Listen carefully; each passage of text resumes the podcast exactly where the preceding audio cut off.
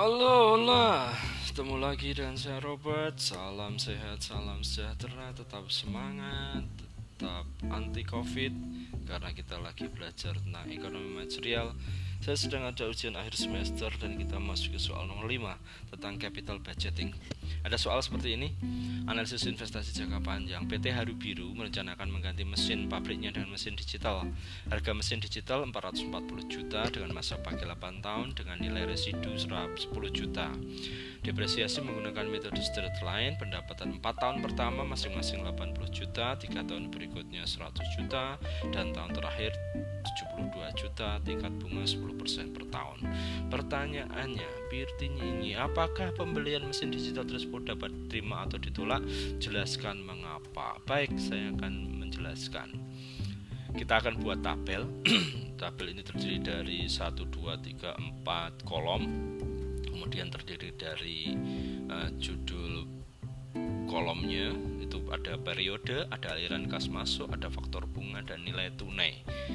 Kemudian di periode akan saya bagi menjadi 1 sampai dengan 4 di baris pertama, kemudian baris kedua 5 sampai tahun ke-5 sampai dengan tahun ke-7, kemudian berikutnya adalah tahun ke-8, kemudian baris berikutnya adalah residu.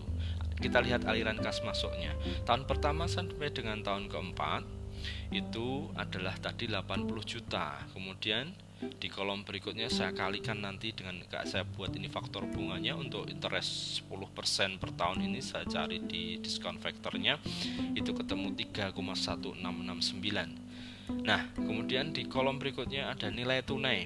Nilai tunainya itu adalah 80 juta kali 3,1669 ini. Nah, ini sama dengan 253 juta 352 ribu Kemudian di baris berikutnya adalah tahun kelima sampai dengan ketujuh tadi diketahui tiga tahun berikutnya itu adalah 100 juta. Ini faktor bunganya adalah 1,6986 dikalikan dengan aliran kas masuk tadi nilai tunainya menjadi 169 juta 860 ribu. Kemudian di baris berikutnya adalah tahun ke-8 itu adalah tahun terakhir itu adalah 72 juta aliran kas masuknya dan faktor bunganya 10 persennya itu adalah 0,4665 dengan nilai tunainya menjadi perkalian 72 juta kali 0,4665 adalah 33 juta 588 ribu. Kemudian di baris terakhir adalah residu.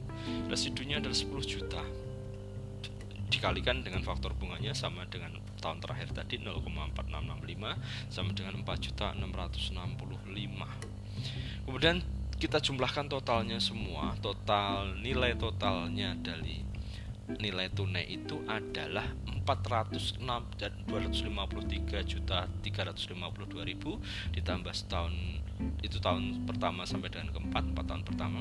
Tiga tahun berikutnya lima tahun kelima sampai dengan tahun tujuh 169 8 juta 860 ribu. Kemudian tahun ke delapan 33 588 ribu ditambah dan residunya nilai tunainya adalah 4 juta 665 ribu. Total nilai tunainya jumlahnya adalah 461 465 ribu Sementara jumlah investasi awal tadi adalah 440 juta.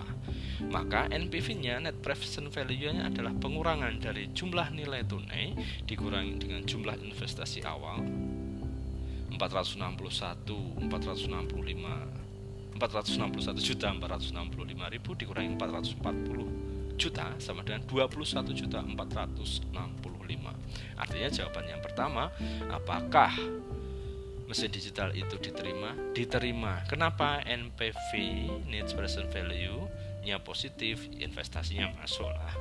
Adalah NPV itu adalah selisih antara jumlah nilai tunai tadi dari masing-masing cash inflow atau aliran cash masuk dengan initial cash out uh, initial cash outlay-nya atau uh, investasinya itu ya nah itu bisa juga dicari dengan PVI present value index present value index itu adalah variasi lain dari NPV yaitu rasio antara present value untuk penerimaan kas terhadap present value untuk pengeluaran kasnya. Jadi rumusnya adalah PVI itu uh, eh, PV untuk penerimaan kas dibagi dengan PV pengeluaran kas. Simple. Jika PVI itu lebih besar dari satu berarti investasi yang diusulkan menguntungkan karena penerimaan lebih besar dari pengeluaran dan sebaliknya. Kalau kurang dari satu ya berarti tidak layak tidak menguntungkan. Untuk kasus di atas PVA-nya adalah sebesar 461 juta 465 ribu dibagi 440 juta sama dengan 1,0488 yang artinya lebih dari satu diterima gitu penjelasannya. Kemudian soal nomor B, berapa lama payback periodnya? Nah, ini payback periodnya saya jawab 5 tahun 2,4 bulan. Dari mana? Dari penghitungan kita buat tabel. Ada periode, ada pengeluaran, penerimaan dan sisanya. Periode tahun ke 0 itu kita masih pengeluaran 440 juta ya pengeluaran investasinya. Penerimaan tahun 1 2 3 80 juta, 80 juta, 80 juta, 80 juta 4 tahun pertama. Tahun kelima 100 juta. Nah, ini dikurangkan 400 40 awalnya di tahun pertama dikurangi 80 sama dengan 360 tahun kedua dikurangi 80 lagi jadi 280 juta. 280 juta di tahun ketiga dikurangi 80 juta tinggal 200 juta.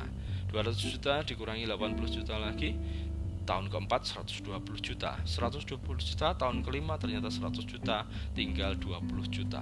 Tahun keenam berarti penerimaannya adalah 20 juta sehingga sisanya 0 di tahun ke-6 ini karena 20 juta, kita 20 juta dibagi dengan 100 juta. Karena penerimaannya kan 100 tadi ya. 100 juta dikalikan dengan 12 sama dengan 2,4 bulan.